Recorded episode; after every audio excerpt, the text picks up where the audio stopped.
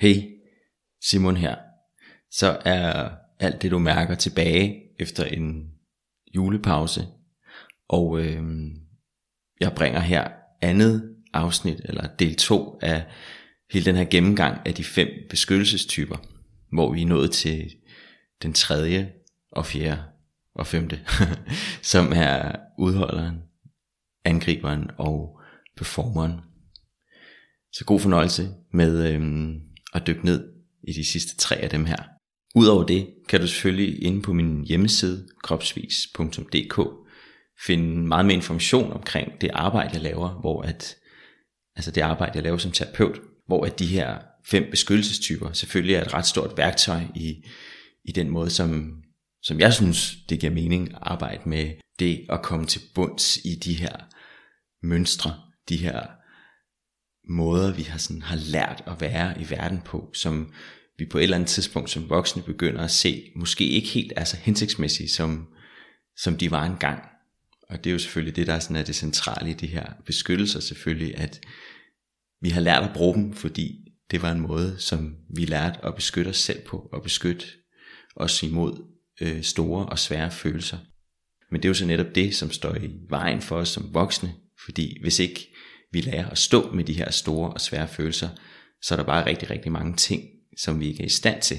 Og der kommer til at være rigtig, rigtig mange ting, som du kommer til at kæmpe med. Og vigtigst af alt måske, at du kommer til at bruge rigtig meget energi på at undgå. Og vejen til den her følelsesmæssige frihed, er jo selvfølgelig at få, få vendt skuden, og i stedet for at blive ved med at flygte fra alle de ting, som er svære at give udtryk for, så faktisk begynde at dykke mere ned i dem. Og det er jo sådan lidt modsat, hvad der sådan er meget op i tiden, det der med sådan at komme ud af sin komfortzone og udfordre sig selv, og sådan, som jo meget handler om at skulle gøre en masse ting, hvor det som jeg er meget overvist om, virkelig er det der gør en forskel, det er at vi lærer, at vi begynder at give udtryk for de ting, som vi mærker. Og det er det, der gør, at det holder op med at være så styrende.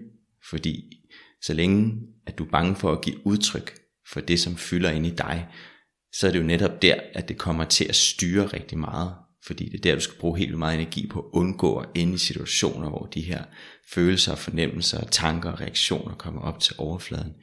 Men i det øjeblik, at du begynder at blive bedre til at stille dig i den sårbare position, det er at, at give udtryk for den her usikkerhed, eller den her sorg, eller vrede, eller afmagt, eller hvad det nu er, og begynder at lære at kunne, kunne vise sådan, hey, det er sådan her, jeg har det. det altså kunne, kunne lade det komme frem. Det er der, det mister taget. Det er der, det mister sin kraft. Og det er jo virkelig der, at du kan få din frihed tilbage. Så det er selvfølgelig værd at have i mente, når du, øh, når du lytter til de her beskyttelsestyper. Men som sagt, øh, klik også ind på kropsvis.dk, hvor du også kan finde et link under podcast, tror jeg, og, og for den her episode kan finde et link til en, øh, en e-bog, jeg har skrevet om de fem beskyttelsestyper, hvor du måske øh, lidt mere håndgribeligt og i lidt mere i dit eget tempo i forhold til, når jeg bare sidder og fortæller her, kan få lov til at, at dykke ned i sådan, hvad, hvad er finesserne, og hvad er sådan baggrunden, og hvad, hvad er det egentlig, der er på spil i de her forskellige typer, og hvad, hvad er faktisk vejen ud af det? Hvad er vejen ud af, at de her mønstre skal blive ved med at have den, den kontrol og den magt, som, som de har. Men lad os komme i gang med dagens episode, og øh, vi springer direkte ud i det og øh, kigger på nummer tre af de her fem beskyttelsestyper, som er udholderen. God fornøjelse. Så vi er nået til udholderen af de fem beskyttelsestyper, hvor udholderen jo så er den, den tredje. Og i den her beskyttelsestype, der er vi sådan noget ud over de, de tidlige, eller de sådan helt tidlige øh, leveår. For den her beskyttelsestype er dannet sådan i halvanden til treårsalderen. Så det vil sige den periode, hvor du, hvor du ikke længere er en, en baby, eller sådan en helt lille bitte barn, men du begynder sådan at blive mere en, ja, det som man på engelsk vil kalde for en toddler, altså en tumling, hvad man siger, men sådan lidt mere sådan et, et barn, der sådan begynder at gå rundt og begynder at have noget vilje og, og gerne vil begynde at gøre nogle ting selv. Og det er jo selvfølgelig helt grundlæggende for de næste af beskyttelsestyperne. Fordi vi går fra at være sådan relativt hjælpeløse til pludselig at kunne bevæge os rundt og pludselig begynde at have en, en vilje, en vilje til gerne at ville gøre ting selv og udforske ting. Og det er jo selvfølgelig en udfordring for forældrene, fordi at pludselig har de ikke den her nemme lille baby mere, som måske græder og sådan, men ellers er sådan relativt nem at få til at gøre, som man vil. Men pludselig har de den her meget sådan viljestærke lille person, der, øhm, der gerne vil en masse ting, og ikke nødvendigvis de samme ting, som forældrene vil. Og hvis du selv er forældre, så ved du selvfølgelig fuldstændig, hvad jeg mener i den her, i den her alder. Altså det er, det er virkelig, øh, der begynder virkelig at ske noget. Så udholder beskyttelsen, den opstår i forhold til, at dine forældre har haft mere end svært ved at rumme den her fuldstændig, og det er jo vigtigt, altså det er jo en fuldstændig naturlig trang i dig, til sådan at begynde at udforske, og til at begynde at, at have en vilje til gerne at ville gøre ting på din måde, eller finde ud af, hvad der er din måde. Og derfor så er det, man vil kalde for traumet hos udholderen, det er følelsen af at være blevet kontrolleret, og være blevet sådan styret i en eller anden form for overdrevet grad. Og derfor er der kommet en tvivl på din ret til at kunne handle selv. Så den grundlæggende beskyttelsesfølelse for udholderen er blevet sådan en, en, en slags fortørnelse, sådan lidt, lidt indestængt fortørnelse over omverdenen. Og så også en skyld. og det kommer jeg tilbage til, når jeg kommer sådan længere ind i, hvad, hvad det her egentlig handler om. Gaverne for udholderen er, at du typisk vil være enormt vedholdende og enormt tålmodig. Og der kan være sådan en virkelig stærk sådan diplomatisk evne og en enorm stabilitet så sådan den, den gode side, eller sådan den, den positive side af den her beskyttelse, er sådan en fantastisk grounding. Og hvis du, øhm, hvis du sådan kan formå at arbejde dig igennem de udfordringer, der er i at have den her beskyttelse, så vil du kunne stå med en, en enorm grounding, som jo kan være en kæmpe styrke, både for dig selv og for de mennesker, som, som er omkring dig. Hvis du klikker ind på øh, kropsvis.dk podcast, hvor du kan se alle de her episoder, jeg har lagt op, så vil du under den her episode se et link til en, øh, en e-bog, jeg også har skrevet om de her beskyttelsestyper. Og i den er der også til hver type sådan et diagram, sådan et, hvad kan man sige, en, øh, en tegning, der sådan viser lidt, hvad, hvad det er for en energi, og hvad det er for en opmærksomhed, der strømmer i de forskellige typer. Og for udholderen, så er der sådan meget en energi, som søger indad og nedad. Så umiddelbart vil udholderen fremstå, og det, du vil, det, vil meget give, det vil give meget med mening, når du, når du ser det her diagram, så tror jeg, du vil kunne forstå det. Men det, der sådan ligger i det for udholderen, det er sådan en umiddelbar blød, men så lige under overfladen en meget, meget solid grænse. Så udefra set kan du som udholder virke meget blød og eftergiven, men lige inde under den her bløde overflade, er der en meget, meget, meget solid grænse. Og den her følelse af, sådan, de får mig ikke. Det kan godt være, at jeg giver udtryk for, at jeg er med på det, de siger, og det, det jeg bliver fortalt.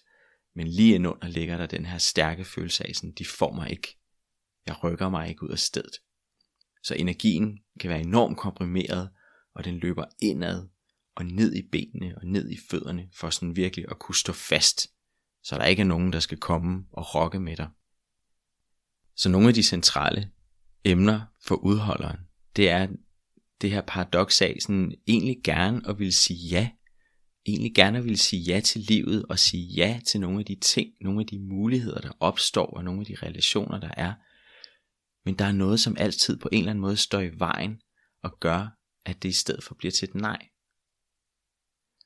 Og det er virkelig sådan en stærk paradoks for udholderen, fordi det er ikke viljen til gerne og ville, der, der mangler, men der er altid et eller andet, som, som sådan lidt, lidt fra sidelinjen på sådan en mærkelig vis kommer ind og hele tiden blokerer og står i vejen. Og du som udholder altid føler, der er altid en grund til, at du sidder fast. Der er altid noget, som andre mennesker gør, eller nogle bestemte omstændigheder. Der er altid noget, som står i vejen. Der er altid en god undskyldning for, hvorfor du ikke rykker dig nogen steder. Hvorfor det aldrig bliver til noget. Hvorfor du ikke lige får, får rykket på det, som du egentlig gerne vil. Der er altid lige sådan på overfladen, er der er altid en god grund til det. Det er også fordi, og de vil jo ikke have, og, og det er også sådan, det er lige nu, og så videre. Og det er det, som du som udholder hele tiden står med, og derfor meget nemt kommer til at stå fast. Så der kan rigtig nemt blive talt meget om de udfordringer, der er, i stedet for faktisk at gå ind og handle på de ting, som du har lyst til. Og den sådan lidt tunge overbevisning for udholderen kan jo så være, at sådan, livet er hårdt. Jeg kan ikke vinde, og derfor så må jeg bare holde ud. Og det bliver sådan, det bliver sådan mantraet. Jeg må bare holde ud. Og det er ikke engang sikkert, at det bliver sagt så eksplicit, men det er det, der bliver følelsen. Jeg skal bare holde ud. Livet er hårdt, og, og jeg kan ikke komme videre, fordi der er altid alle de her ting, som står i vejen for mig. Så derfor så er jeg nødt til bare at holde ud. Så udholderen vil måske typisk sige, min situation er håbløs, og hvis ikke andre kan se det, så er det fordi de ikke forstår, hvad det er, jeg kæmper imod. Eller jeg står med den her endeløse række af udfordringer, og det er altså ikke min skyld, at jeg ikke kan komme videre. Du kan måske mærke ind i, om det er nogle ting, som du genkender, der sådan godt kan komme fra dig selv, eller måske nogen, du kender, som kunne have den her beskyttelse. Udholderen kunne også finde på at sige, der er ikke nogen, der, fortæl, der, er ikke nogen, der skal fortælle mig, hvad jeg skal gøre. Det kan godt være, at jeg sådan umiddelbart følger med, men inderst inde, så ved jeg, at så får de mig altså ikke. Og så kommer den her skyld, som er sådan den anden ting af udholderen. Der er både den her fortørnelse over al den her modstand, og så lige ind under det, er der også den her skyld af sådan, ej, jeg kommer så nemt til at modarbejde mig selv. Og det bliver meget mere naturligt for mig at holde ud, end faktisk at lave om på de ting, som jeg jo egentlig gerne vil ændre. Og med det er der jo, kan der jo være en enorm skyldfølelse af, sådan, jamen, hvorfor, hvorfor kan jeg ikke komme videre? Hvorfor bliver jeg ved med at stå fast? Og det er jo den, det er jo den suppedags, som, som udholderen virkelig sidder i. Og især for udholderen kan man virkelig kalde det for en suppedags. Altså alle beskyttelsestyperne sidder i den her suppedags på en eller anden måde, at, at vi sidder fast i nogle mønstre. Men det er sådan meget billigt og meget sådan øh, reelt for udholderen, virkelig sådan den her følelse af at sidde fast i noget. Så hvad er baggrunden for udholderen? Jamen det er jo sådan lidt det, jeg snakkede om i starten, at der er det her sådan i din begyndende selvstændighed, i den her sådan, jeg vil selv, jeg vil selv alderen. Og på engelsk er det jo det, man kalder for the terrible twos, altså i den her toårs alder, hvor det her lille barn, det, det her lille søde, den her lille søde baby pludselig forvandler sig til den her forfærdelige, forfærdelige, jeg vil selv person, som, som, som jo går imod alt det, som man som forældre har været vant til, man bare kunne bestemme. Og sådan er det bare ikke længere. Og det er jo det, så din begyndende selvstændighed i den alder er ramlet ind i dine forældres vilje og dine forældres behov for kontrol. Og det har skabt nogle konflikter, og det har skabt nogle udfordringer. Og det er lidt et paradoks, fordi der har været den her forvirring omkring, at ja, min mor og far elsker mig jo. Typisk er der ikke så meget i den her beskyttelse en tvivl om at være blevet elsket. Ikke nødvendigvis i hvert fald. Men alligevel, så har der været den her overdrevne kontrol. Og, og, og mine forældre får mig til at føle mig forkert, hvis ikke jeg gør præcis som de gerne vil have det. Og det er mærkeligt, fordi jeg kan jo mærke, at de holder af mig. Mange af de her ting, vi gør som forældre, er jo også af kærlighed. Men den her kontrol, den, selvom den bliver udført måske i kærlighed, så, så føles det ikke sådan for barnet. Og det skaber jo den her forvirring af, sådan, hvorfor skal jeg kontrollere så meget? Hvorfor, får de, hvorfor udskammer de mig? Hvorfor skiller de mig ud? Bare fordi jeg prøver at gøre nogle ting, som jeg lige har lyst til at teste af. Så du er blevet straffet i en fase, hvor du har haft det her meget store meget naturlige behov for at udforske din uafhængighed. Og det, det har jo skabt et, en mistillid til dine egne instinkter.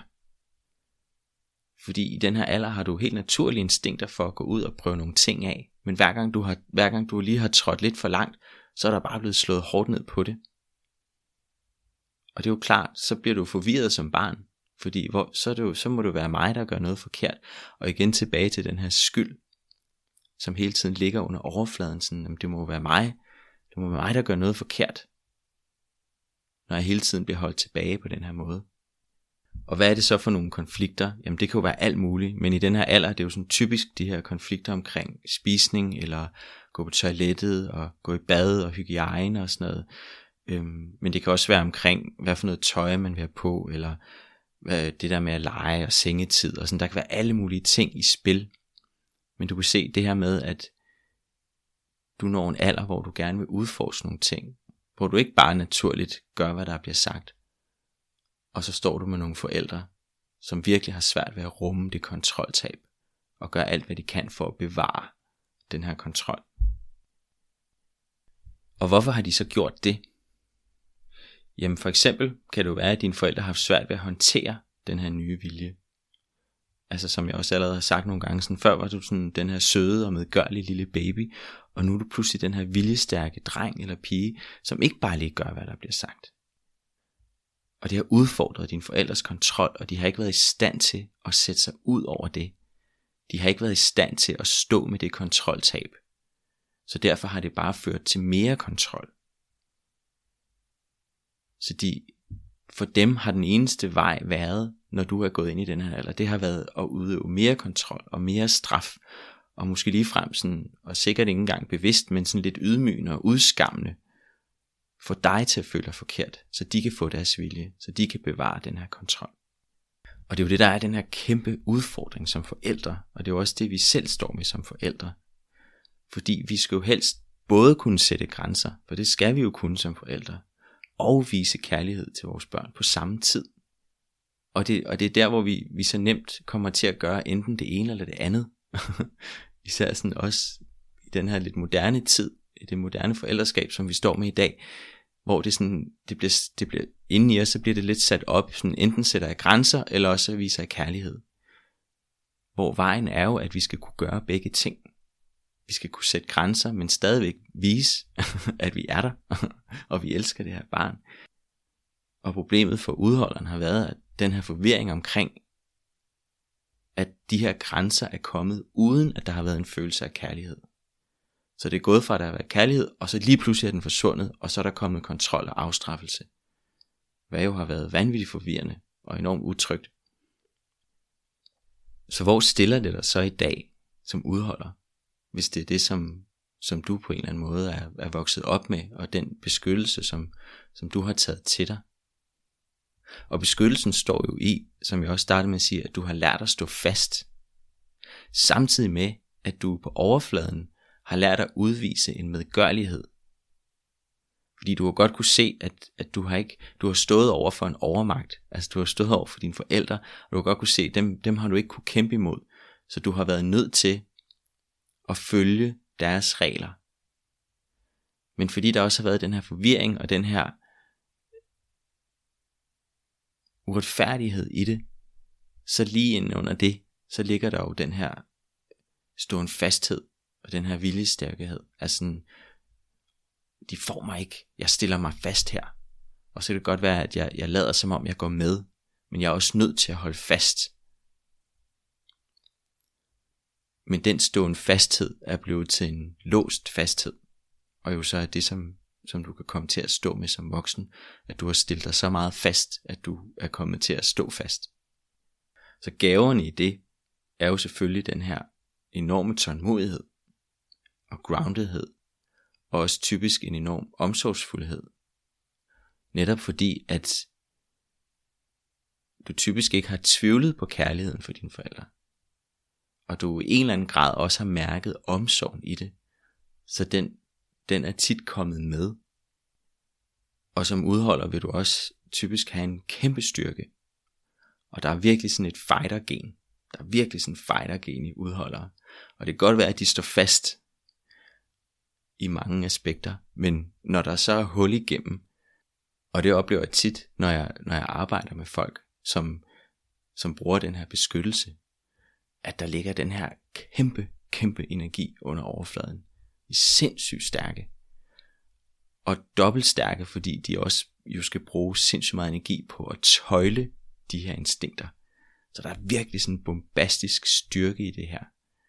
Så når den først får lov til at komme frem, som den jo gør nogle gange, så er der bare en kæmpe fight i dem.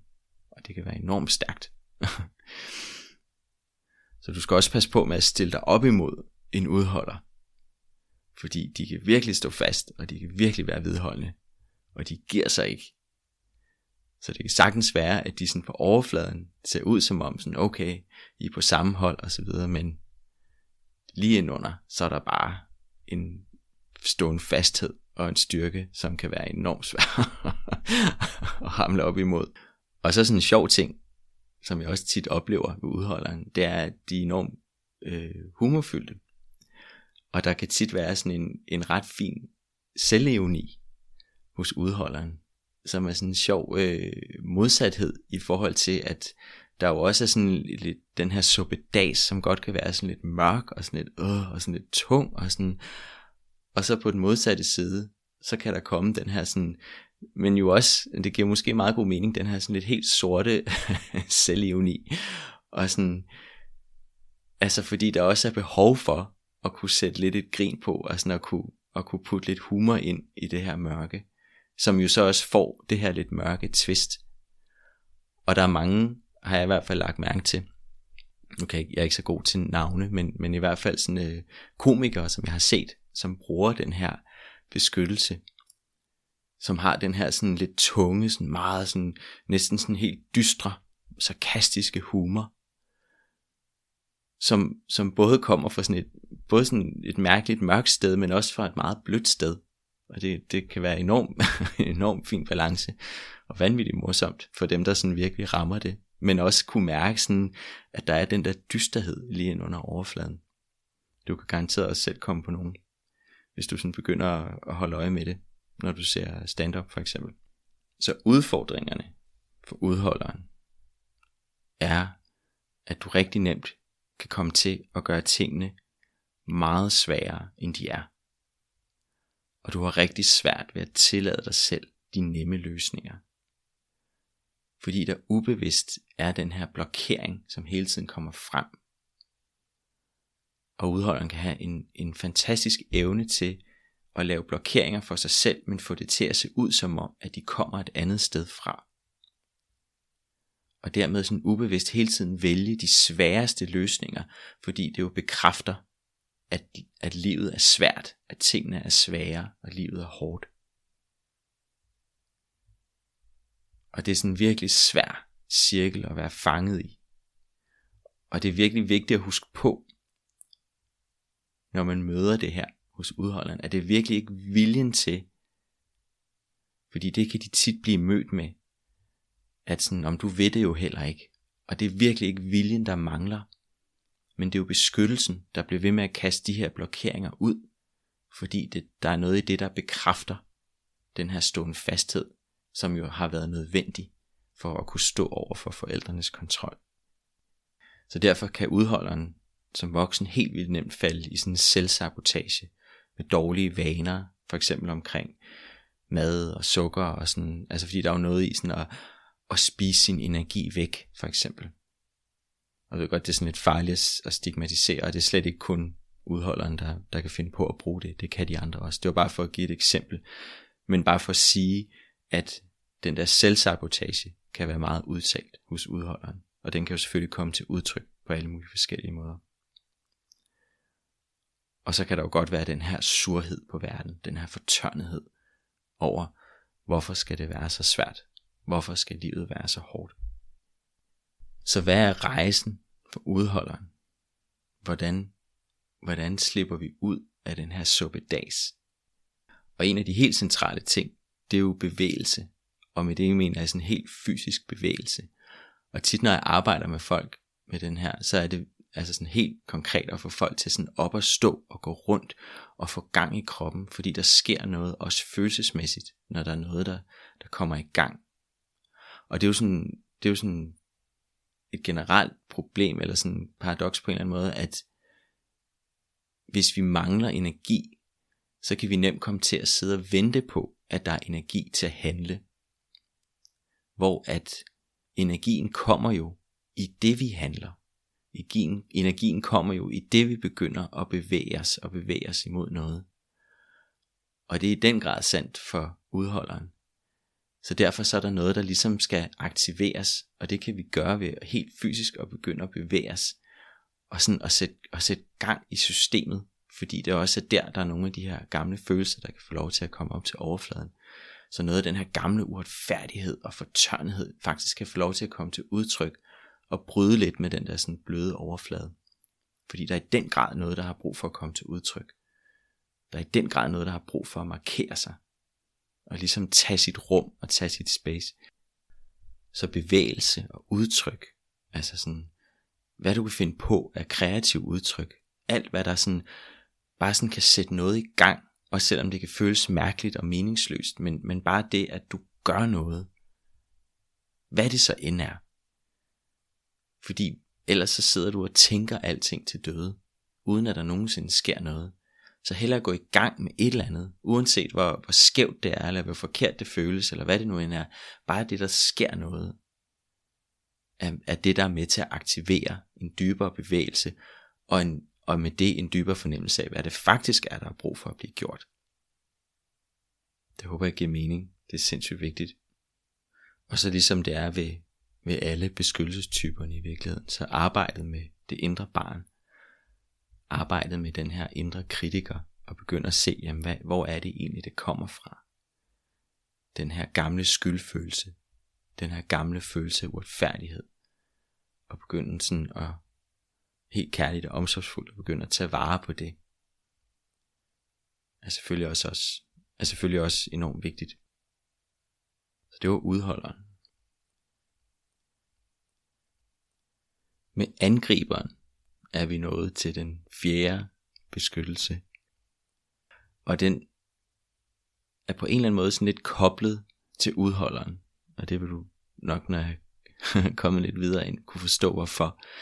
Men angriberen er sådan langt hen ad vejen dannet omkring det samme tidspunkt som udholderen. En lille bit smule senere. Så sådan fra to og halv til fire års alderen. Men stadigvæk i den der sådan, jeg vil selv alder. Den der sådan meget selvstændighedsalder, som der jo i høj grad er i, i, de, i de år. Traumet for angriberen er følelsen af at være blevet forrådt og det kommer jeg lidt mere ind på, men, men sådan helt groft kan man sige, at hvor at udholderen har stået over for en overmagt, der har været for stor, og dermed har måttet, i hvert fald på ydersiden, måtte underkaste sig den her kontrol fra forældrene, så har angriberen oplevet det modsatte, at forældrene har på en eller anden måde givet for tabt i den her jeg vil selv energi, og på en eller anden måde følt, at de har givet op. Og med det har der jo været en følelse af, på en eller anden måde, at være blevet forrådt, i forhold til faktisk at have fået for meget at skulle have sagt. Og det kan måske lyde mærkeligt, men det er jo vigtigt at huske på, at det her er en alder, hvor du som barn ikke er i stand til at have for meget at skulle have sagt. Du er ikke i stand til at håndtere og skulle bestemme for meget. Altså man siger jo det her med, at børn de tester grænser. Og det er jo sådan lidt en underlig ting. Det er, jo, det er jo egentlig ikke det, de gør, men de udforsker jo bare. De, de udforsker deres instinkter og ting, de har lyst til at, at afprøve. Men det er jo enormt vigtigt, at de kan føle sig trygge. At de kan føle, at, at børn kan føle, at der er noget, der er større end dem selv, som holder dem, og som, som ligesom markerer sådan, hey, vi støtter dig rundt om her så skal du nok få lov til at være den du er og udfolde dig, sådan, men, men vi står også klar til at stoppe dig, hvis du går for langt. Og det er jo det, der er vigtigt med de her grænser, at det er vigtigt, at de bliver sat, men jo også vigtigt, at de bliver sat med en kærlighed og med en omsorg. Men det er vigtigt, at de er der, fordi hvis ikke de er der, så har du som barn bare fået lov til at vade ud over det, og det er ikke særlig trygt. Det kan godt være, at det umiddelbart sådan har været fedt, sådan, så kan jeg bare få lov til at gøre alle de her ting, men du har slet ikke været i stand til at, at håndtere den frihed. Du har manglet nogen, der faktisk har, har holdt dig. Så hos angriberen, så vil du meget sådan tvivle på din ret til at kunne stole på andre, og dermed at kunne føle dig sikker i, at der er nogle andre, der er noget, der er større end dig især, som, som har styr på det. Og derfor har der meget hos angriberen kommet den her følelse af, jamen så er jeg selv nødt til at have styr på det. Det er mig, der er nødt til at have styr på det. Og med det er så selve sådan kernen i angriberen, som er kommet den her, som er kommet som den her sådan, jamen så har jeg styr på det, så er det mig, der tager styringen. Og det er det, som nemt kan komme til udtryk som sådan et angreb, og sådan en, en måde at manipulere sine omgivelser på, som, som kan være sådan karakteristisk for, for den her beskyttelsestype. Gaven for den her type er jo en hel masse energi og karisma, og fordi der er jo den her, jamen så gør jeg det selv, evne og erfaring, så vil der typisk også være en enorm ressourcestærkhed og et enormt lederskab og en evne til at stille sig frem og vise vejen, hvor andre ikke gør det. Så der er også hos angriberen sådan en, en meget sådan klassisk leder, som kan være en fantastisk leder, hvis du kan formå at arbejde dig igennem nogle af de her sådan lidt negative aspekter af beskyttelsen, som typisk vil være den her trang til at kontrollere andre og, og, og, og sådan at falde hen i at prøve at manipulere og forføre og på den måde sådan hele tiden være den, der er ovenpå. Så det som angriberen typisk gør, og det er jo, altså som du er med alle de her beskyttelsestyper, så er det jo, hvordan beskytter vi os? Og hvor at drømmeren, som du måske kan huske, beskytter sig ved at forsvinde væk. Hjælperen beskytter sig ved at gå over i andre og kompensere og gå på kompromis og på den måde sådan lidt tabe sig selv men, men beskytter sig jo ved sådan hele tiden at holde fast i de andre, for ikke at skulle stå tilbage alene. Og udholderen beskytter sig ved at holde ud og stå fast, men angriberen beskytter sig ved at gå til angreb.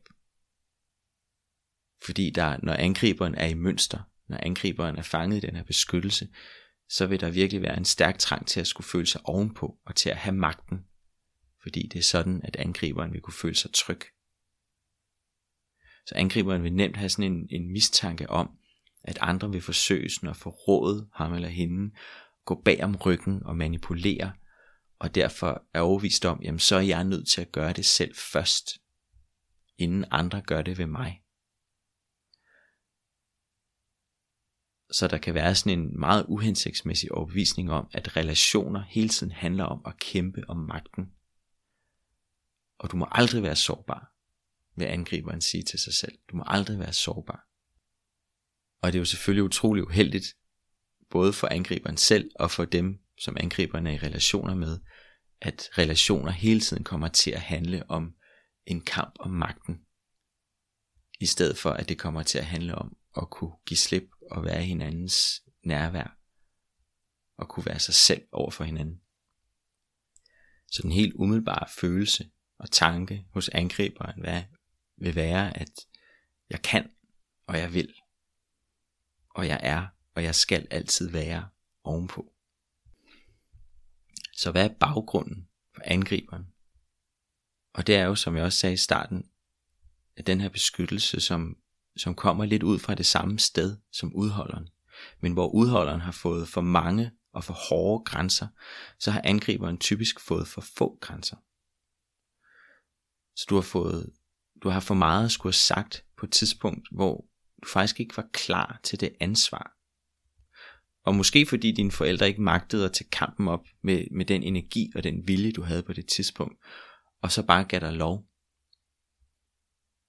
Og på den måde er der kommet sådan et enormt usundt stort behov for at få sin vilje, plus den her ikke særlig rare følelse af, at dine forældre måske bare var lige glade. At de bare har givet op og ladt dig sejle i din egen sø. Så derfor er der jo det her store tema hos angriberen, den her følelse af at være blevet forrådt. Og for nogle angribere et endnu større tema, nemlig følelsen af at være blevet sådan direkte forrådt. Og det er sådan lidt en ekstra twist, der kan være ved den her beskyttelsestype, nemlig at være vokset op, hvor kærlighed er blevet brugt som manipulation.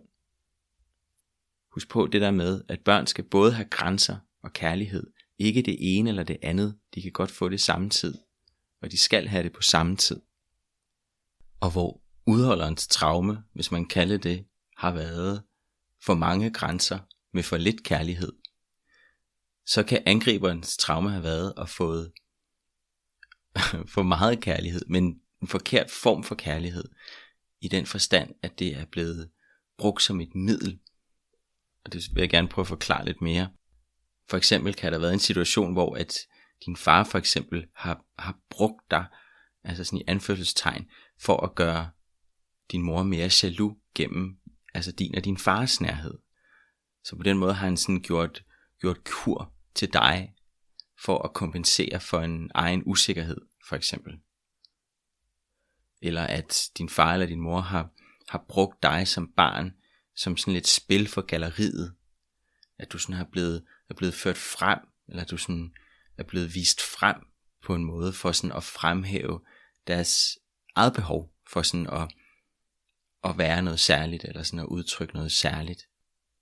Og det er jo, og det er jo sådan lidt skævt, fordi at de har jo på overfladen vist en, en opmærksomhed, men det har ikke været, det har ikke været sådan rent, det har været manipulerende, og det har du som barn kunne mærke, at den, opmærksom, du har, den opmærksomhed, som du har fået, har været manipulerende. Og det er jo det, der er så sindssygt uheldigt for angriberen, for den beskyttelsestype. Det er, at vi kommer til at lære, at manipulation og det at have magten og det at have overtaget, det er en meget, meget vigtig ting i relationer. Så det er det, der kommer til at være det styrende. Og vi ved jo for eksempel også, at overgrebspersoner for eksempel rigtig, rigtig ofte selv har været udsat for overgreb.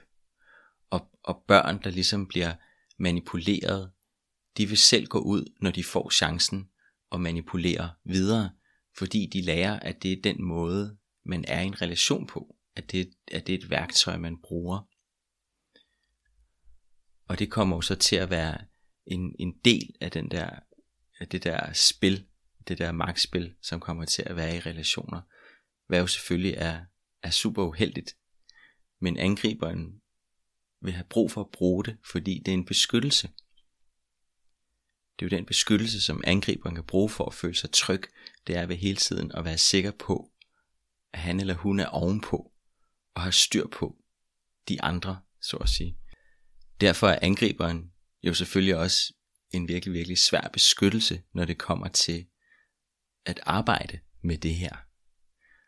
For hvor at alle de andre beskyttelsestyper, vil der i alle dem være en større åbning for at åbne op for sig selv og kunne give slip og ligesom at kunne, at kunne, lade, at kunne lade andre komme ind, så er det jo noget af det, som angriberen frygter allermest, fordi at det vil jo stille ham eller hende sårbar, som jo er noget af det, det sværeste for, for angriberen, når, øh, når den beskyttelse ligesom er aktiv. Og det vil jo, hvis man nu for eksempel skulle forestille sig at gå i terapi og arbejde med sin beskyttelsestype, så at det at gå i terapi er jo en form for overgivelse og lade et andet menneske komme ind, og jo et andet menneske, som jo i en eller anden grad repræsenterer en form for en autoritet, som jo er noget af det sidste, som angriberen har lyst til, at lade en anden få autoriteten. Det vil, det vil angriberen jo allerhelst selv have, når den her beskyttelse er aktiv. Og det bliver den jo automatisk. Så det er virkelig sådan et benspænd. Og det gør jo selvfølgelig også sådan lidt uheldigt, at det her er den beskyttelsestype, som man typisk ser sjældnest i terapilokalet. Simpelthen fordi, at det er, det er så svært at være i den her beskyttelse, og så kunne give slip og lade andre komme ind og komme tæt på. Men hvad er så styrkerne ved den her beskyttelsestype? Jamen det er jo, som jeg også sagde i starten, at der er en enorm energi og øh, karisma rigtig ofte ved, ved personer, der er i den her beskyttelse. Og især når de føler sig trygge, så kan de være enormt karismatiske og enormt rare at være sammen med. Fordi de er energifyldte, og de er karismatiske, og, og de ligesom, så længe at de føler sig trygge og ovenpå, så kan de være enormt rare at være sammen med. Og det er jo noget, jeg tit hører fra klienter, som er vokset op med, med forældre, der har den her type, at rigtig tit, når forældrene var ovenpå, og når de følte sig trygge, jamen så var de jo rigtig rare at være sammen med. Problemet var bare, at de meget, meget hurtigt kunne vende på en tallerken og blive meget ubehagelige. Fordi så gik de jo lige pludselig til angreb og kunne blive enormt manipulerende og enormt personlige øhm, på en ikke særlig rar måde. Men for en angriber, der føler sig tryg og føler sig ovenpå og føler sig på en eller anden måde i sit element, så kan, kan den her person være enormt ressourcestærk og, og med en enorm tillid og selvtillid og virkelig tur vise vejen. Og som jeg også sagde, der er jo virkelig en leder i den her, i den her beskyttelsestype, sådan en født leder nærmest. Fordi der er en her, der er klar til at stille sig forrest. Fordi den her person har lært, at hvis noget skal ske, jamen så må jeg selv sørge for, at det skal ske. Så det giver en helt naturlig tendens til at bane vejen for andre. Udfordringen er jo så, hvis angriberen føler sig troet eller føler sig presset, så kommer den her side op, som kan være angribende og manipulerende og eller forførende. Og det afhænger jo af personen, hvordan det kommer til udtryk. Så det kan enten være sådan en, en direkte og sådan aggressiv manipulation, men det kan også være sådan den der lidt forførende og sådan lidt underspillet manipulation. Sådan lidt firkantet puttet op, kan det jo være sådan den, den maskuline og den feminine side af det.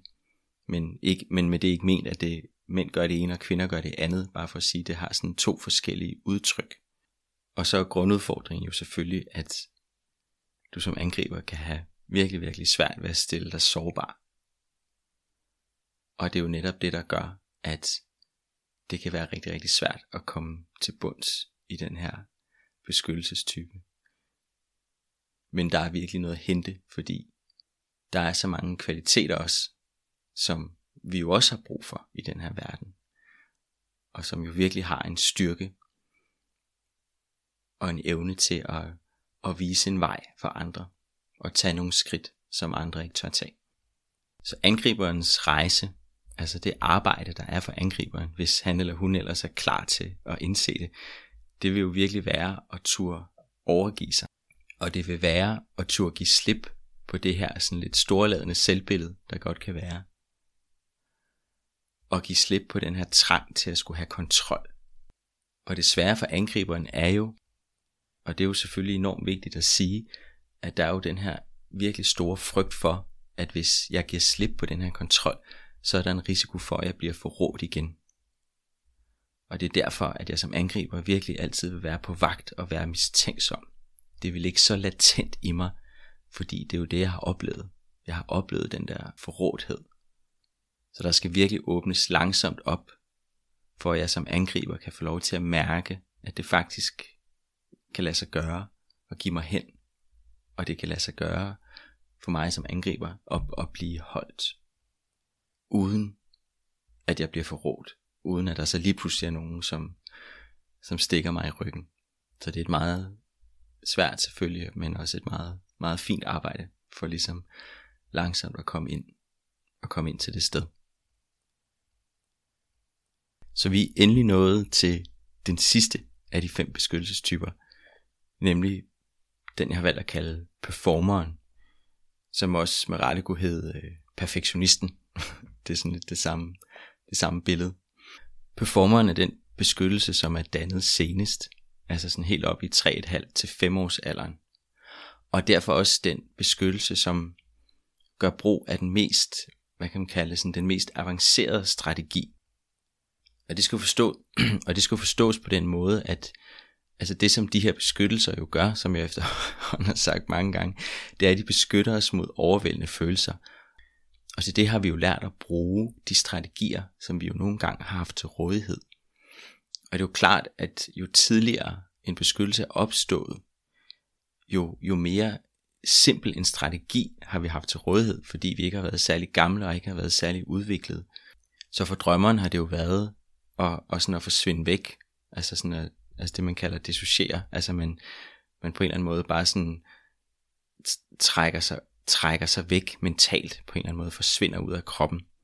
Det er sådan, det er sådan den mest basale forsvarsmekanisme, og også det, man hører fra folk, der har været udsat for, for overgreb eller sådan meget svære omstændigheder. De har haft den der følelse bare af sådan at være forsvundet ud af kroppen, fordi der simpelthen bare er noget, der sådan helt instinktivt lukker af og lukker ned. Hos hjælperen har den været en lille smule mere avanceret. Der er vi blevet en lille smule ældre, og der har vi sådan mere sådan søgt vores omstændigheder, og vi har søgt den der samhørighed, som jo er så vigtig. Altså jo især er vigtig, når vi, når vi er så små, ikke? Men, men den der sådan helt umiddelbare sådan samhørighed, sådan hey, kontakten, det er det, det er det, det er det, jeg skal bruge for at komme væk fra de her svære følelser. Det er samhørigheden. Det er det, man hele tiden går efter som hjælper. Den der kontakt til andre. Ved udholderen, der er beskyttelsen blevet lidt mere fysisk. Vi har fået sådan lidt mere kontrol over vores, over vores krop. Og vi har lært at holde ud, samtidig med, at vi sådan umiddelbart giver et udtryk for, at vi er med. Altså vi er nået så langt i vores udvikling, at vi som børn sådan godt kan, kan se ud som om, når vi er med, men indeni er der noget, der sådan kontraherer og trækker sig sammen og holder ud. Og det bliver så udholderens beskyttelse. Og hos angriberen er det jo sådan lidt den samme energi som udholderen, at der er sådan en virkelig sådan mobilisering af fysisk energi, men for angriberen, der bliver den så bare skudt ud af og rettet imod, imod de andre eller mod den anden. Ved performeren, der er vi så nået så langt, at vi sådan kan begynde at gøre det, som jeg vil kalde sådan at stive af. At der er noget, der virkelig sådan retter op og tager sig sammen og gør sig umage og gør det rigtige og præsterer. Og det er sådan virkelig et nøgleord. Altså sådan performe, altså sådan performeren præsterer. Det er det, der sådan er vejen væk fra de svære følelser. Det er ved at gøre det rigtige og gøre det godt og vise, at man har styr på det. Traumet for performeren, det er den her følelse af, at ens naturlige udtryk, altså sådan din kreativitet, eller sådan dit følelsesmæssige eller dit seksuelle udtryk er blevet mast i regler og retningslinjer. Så der er kommet en tvivl på din ret til at stole på dig selv og stole på din intuition og stole på dine følelser.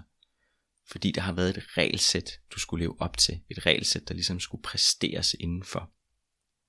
Gaverne for performeren er jo så selvfølgelig, og det er jo det, er jo det der sådan virkelig er et dilemma for performeren, fordi at de typisk vil passe uhyggeligt godt ind i det samfund, vi har i dag. Fordi, som, fordi at du som performer vil have tendens til at være enormt struktureret og meget punktlig og meget sådan højt præsterende. Det vil sige, at du vil jo kunne opfylde de her succeskriterier, som vi har i vores samfund i dag, og derfor på ydersiden fremstå som en, der virkelig har regnet den ud, og virkelig har fået succes, og virkelig har gjort det rigtige.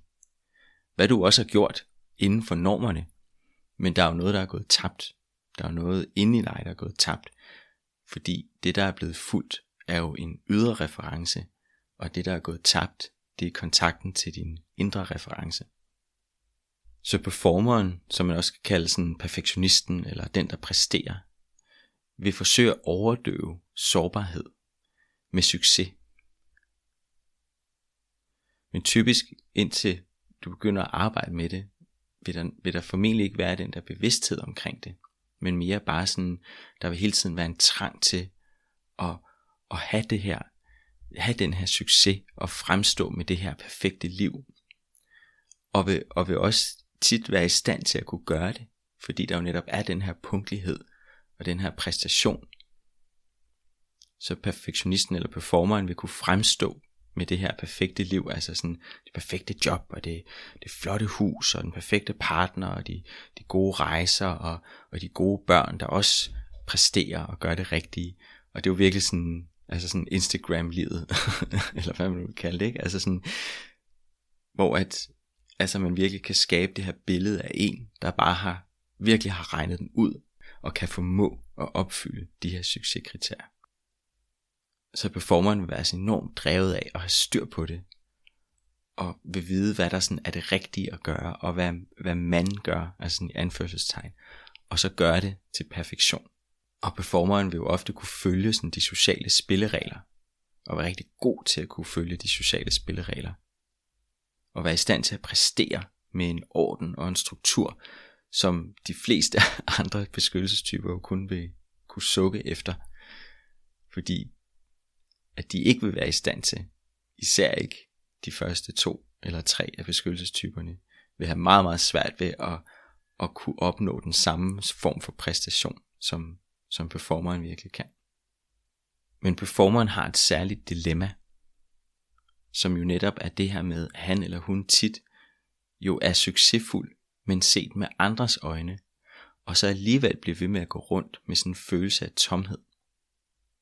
At det aldrig helt er godt nok, selvom alle andre vil lovprise det og sige, at det er fantastisk, og wow, hvordan er du kommet så langt, og hvordan kan du, hvordan kan du præstere og gøre alt det her, og hvor er det fantastisk.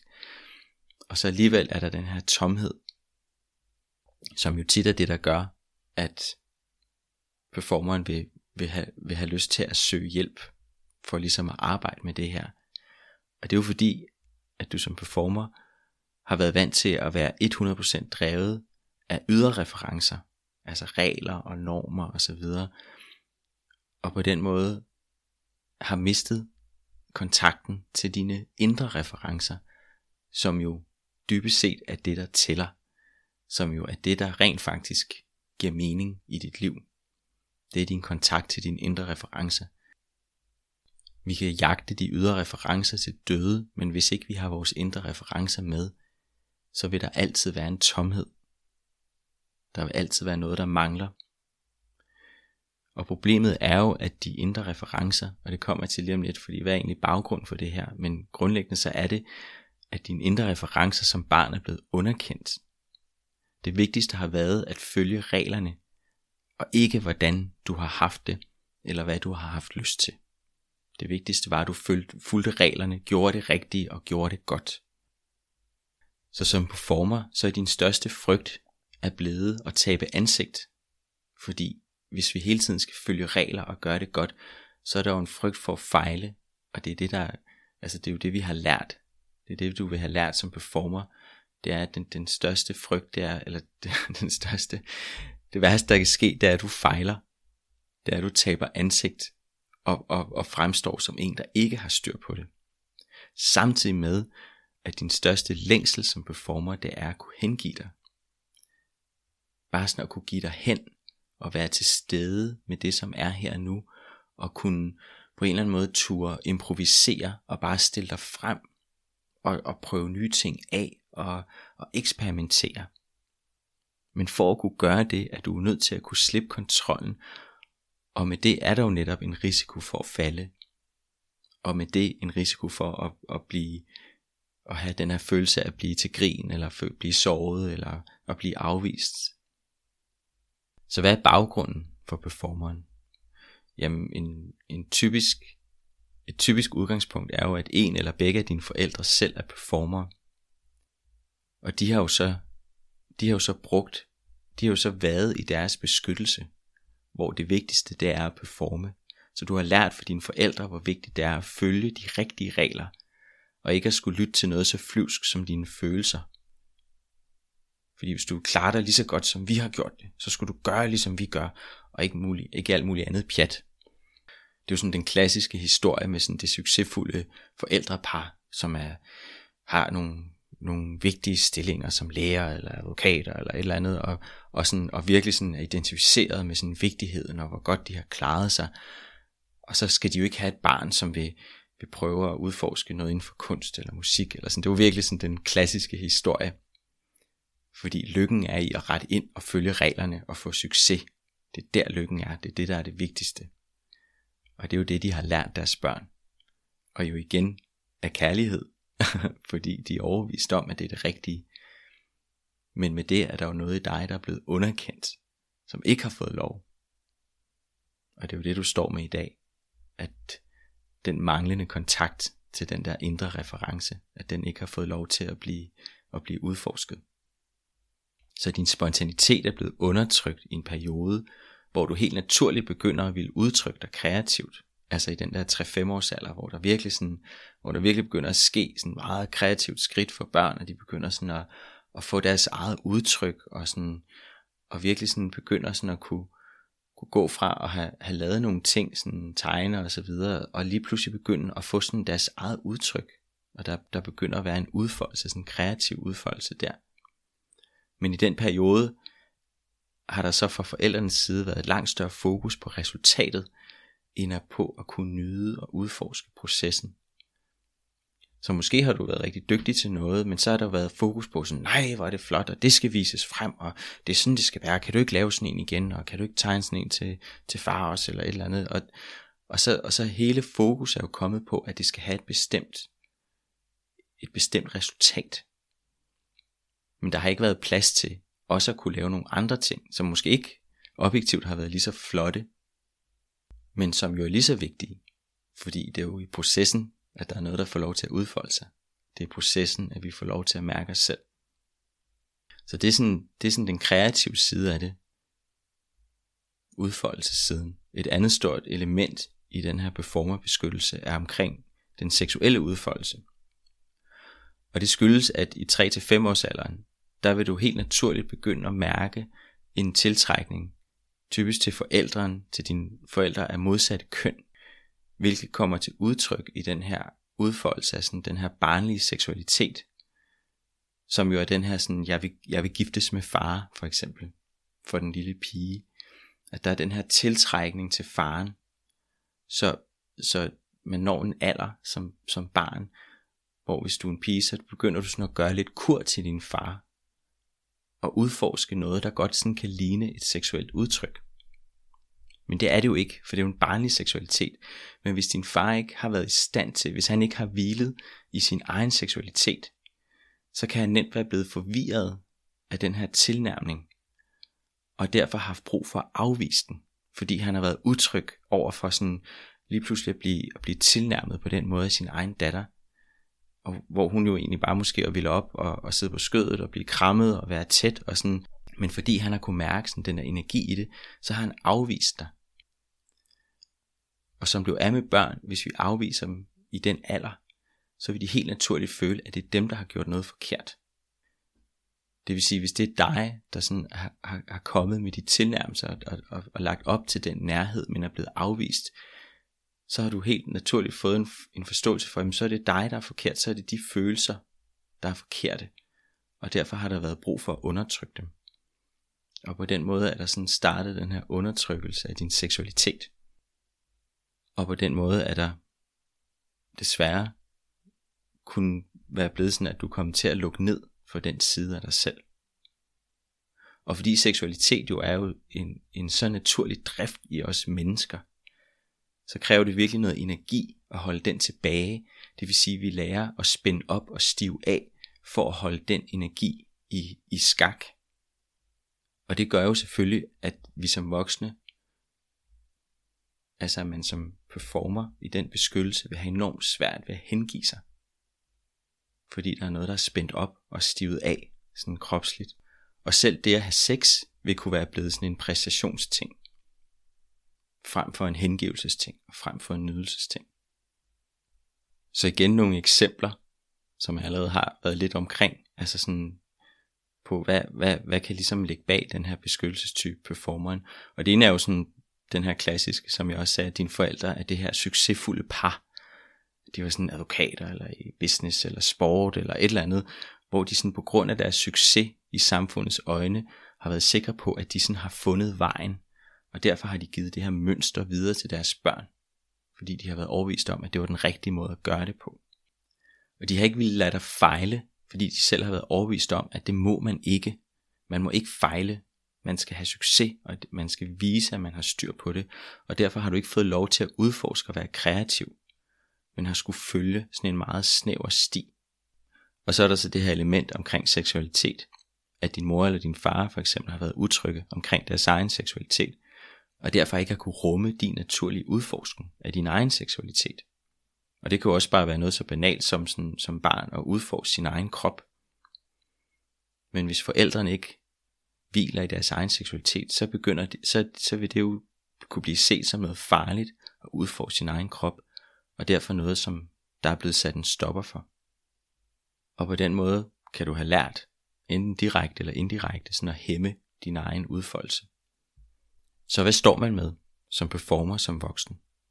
Altså gaverne, det er jo virkelig, som jeg startede med at sige, at kunne være enormt disciplineret og med en enormt stærk arbejdsmoral. Som jo er en fantastisk gave, især i det samfund, som vi har i dag, Altså fordi så kan du virkelig nå langt ud fra sådan de her helt sådan normative succeskriterier, som vi alle sammen øhm, lever under, og for, for en vis del også lider under. Men det er jo bare sådan, det er. men altså en evne til at være enormt praktisk og struktureret, og god til sådan at skabe stabilitet, og virkelig sådan duk, duk, duk, duk, duk, få ting gjort, og få det, og sådan at holde fast, og få ordnet det hele, og bare sådan at kunne blive ved.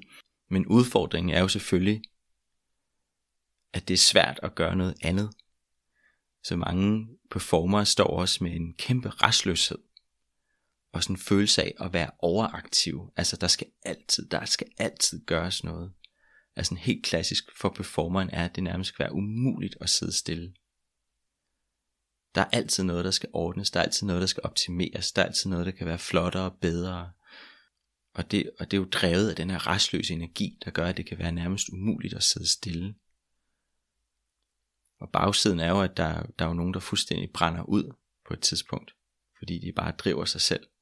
Og rigtig langt hen ad vejen ikke kan mærke, at de driver rovdrift på sig selv, fordi de jo lever op til nogle værdier. Så der er nogle stærke værdier af at præstere og være god, og, og det kan jo virkelig drive langt. Og så lige pludselig på et eller andet tidspunkt er der noget, der lukker ned, fordi der er nogle signaler, der bare er blevet fuldstændig overhørt. Og det er jo fordi, at det aldrig er godt nok. Det er kun resultatet, der gælder, mere end processen og kreativiteten. Det vil sige, at vi er altid på vej hen imod noget. Men har enormt svært med at være til stede i det, der er. Og så den helt anden store udfordring er jo selvfølgelig, at der er enormt svær adgang til følelser og sårbarhed. Fordi det hænger jo sammen med den her restløshed, og den her følelse af ikke at formå, og ikke at, ikke at gøre det godt nok. Som jo så hele tiden bliver overdøvet af at gøre og gøre og gøre. Så performerens rejse er jo at ture og stille dig frem og gøre noget uden at være forberedt og turde være åben for, at det ikke skal have et bestemt resultat. Og det kunne være noget så banalt som at sætte musik på med dine unger og danse i stuen, eller tegne og male, eller lave koldbøtter, eller med dine børn, eller hvad som helst. Alt hvad der sådan kan vække den her kreative sans, som vi jo alle sammen har, og som vi jo alle sammen nyder. Fordi jeg tror ikke, der er nogen, der er i tvivl om kvaliteten i, det der med bare at kunne give sig hen og sidde og lave noget, uden at skulle have for øje, at det skal have et bestemt resultat. Så hvis du skal begynde at få en fornemmelse for det her ved, hvad, hvordan føles det at være i flow, som jo er det, man vil kalde det, når, når vi bare gør noget, uden at, uden at være sådan mentalt bevidst om, at det skal nå et bestemt sted hen. Så start med ting, hvor der ikke er alt for meget på spil. Ja, start med ting, hvor der ikke er for meget på spil. så med den, jeg ved ikke lige, hvad der skete med den afslutning, jeg troede, der, jeg rundede den lidt bedre af, da jeg optog den. Men øhm, det gjorde jeg åbenbart ikke. Det kan være, jeg blev sikkert afbrudt. Men øh, om ikke desto mindre, så var det de tre sidste beskyttelsestyper. Og det er måske en meget god afslutning, det der med sådan, start med det, hvor der ikke er alt for meget på spil. Fordi vores beskyttelsestyper bliver jo netop aktiveret Altså din beskyttelsestype bliver aktiveret, når du bliver presset. Og jo mere du er presset, jo mere vil den træde frem. Fordi det er jo det, der sådan helt automatisk er blevet din reaktion på de her overvældende og svære følelser. Og det der jo sker, det er, at vi mister vores tilstedeværelse, og så træder den her beskyttelse ind og tager over. Og det er jo derfor, at uanset hvor mange gange du siger til dig selv, når der sådan er ro på, så siger du sådan om næste gang, at sådan og sådan sker, så vil jeg i hvert fald ikke reagere, som jeg plejer. Men så lige så snart, at, du, at det pres, det kommer igen, så kommer du alligevel til at reagere præcis som du plejer, fordi det er den helt automatiske reaktion. Og derfor er svaret jo i hvert fald meget sjældent, det er ikke at bare at skulle springe ud på det allerdybeste sted, fordi det vil overvælde dit system, og det vil kun bringe den her beskyttelse frem i fuld flor, til et punkt, hvor du ikke har en chance for at gøre noget anderledes. Så derfor så er det faktisk et meget godt råd, det her med, hvis jeg nu selv skal sige det, det der med at starte et sted, hvor der ikke er for meget på spil. Og det kan jo selvfølgelig forstås på flere måder. Altså, den måde, som jeg arbejder med det på, det er jo ved at gøre det i et, i et terapirum. Altså sådan, hvor jeg jo gør det sammen med dig, og vi sammen skaber et trygt rum, hvor at du kan få lov til at give udtryk for nogle af de her svære ting, men uden at det har nogen direkte konsekvenser, hvis du forstår, hvad jeg mener. Altså sådan, hvis nu det for eksempel er noget, der handler om din partner, så, så vil det jo have en konsekvens i det øjeblik, du så meget direkte begynder at give udtryk for de ting, der rører sig inde i dig. Hvad disse konsekvenser så er, det ved vi jo aldrig, det ved vi jo først, når, når, når, når det ligesom er kommet frem. Men måske er der noget i sådan at begynde ikke at overvælde dit system for meget, men også bare sådan at begynde at turde se de små ting. Eller arbejde med det i et terapeutisk rum, eller begge dele. Altså jeg håber du forstår hvad jeg mener, fordi der er noget i sådan, øhm, i kemi, og når du, når du øh, læser om de her ting på engelsk, der er der sådan et, et begreb, der hedder to pipet, eller sådan at pipettere, som betyder, at du sådan langsomt drøber en opløsning over i den anden, sådan en dråbe af gangen. Fordi hvis du hælder det hele over i, så sker der en overreaktion, og så vil det ligesom boble over, og så vil det blive for meget. Så derfor så er du i nogle blandinger nødt til at drøbe den ene opløsning over i den anden, sådan en dråbe af gangen, for at undgå den her overreaktion. Og det er sådan lidt den samme tankegang her, at sådan, vi er nødt til sådan stille og roligt at bevæge os ind i det her følelsesrum.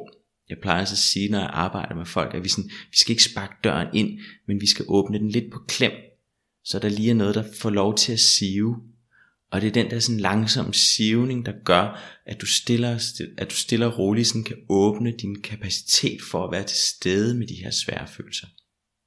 Så vi udvider dit rum stille og roligt, så du begynder sådan bedre og bedre at kunne stå med det og kunne rumme det, og dermed vil begynde at kunne sige nogle større ting og nogle svære ting, og virkelig begynde at give udtryk for det, som betyder noget for dig. Giv udtryk for dine grænser, giv udtryk for dine værdier og dine ønsker og dine længsler. Fordi det er jo det, der ultimativt er målet, at du sådan helt frit kan få lov til at stille dig åben og stille dig frem, som den du er og det du mærker.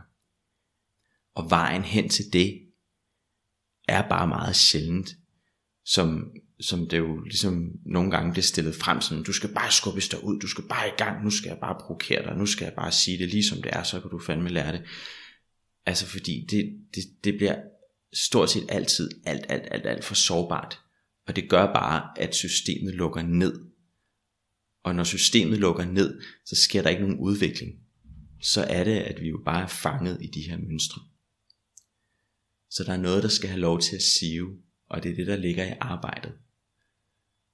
Så start med de små ting, og lad det stille og roligt få lov til at begynde at udvide sig, så du begynder at få den der helt fysiske fornemmelse af, at der er noget, der sådan, uh, der er noget, der summer og snorer, der er noget, der er lige sådan, uh, der er lidt spændende.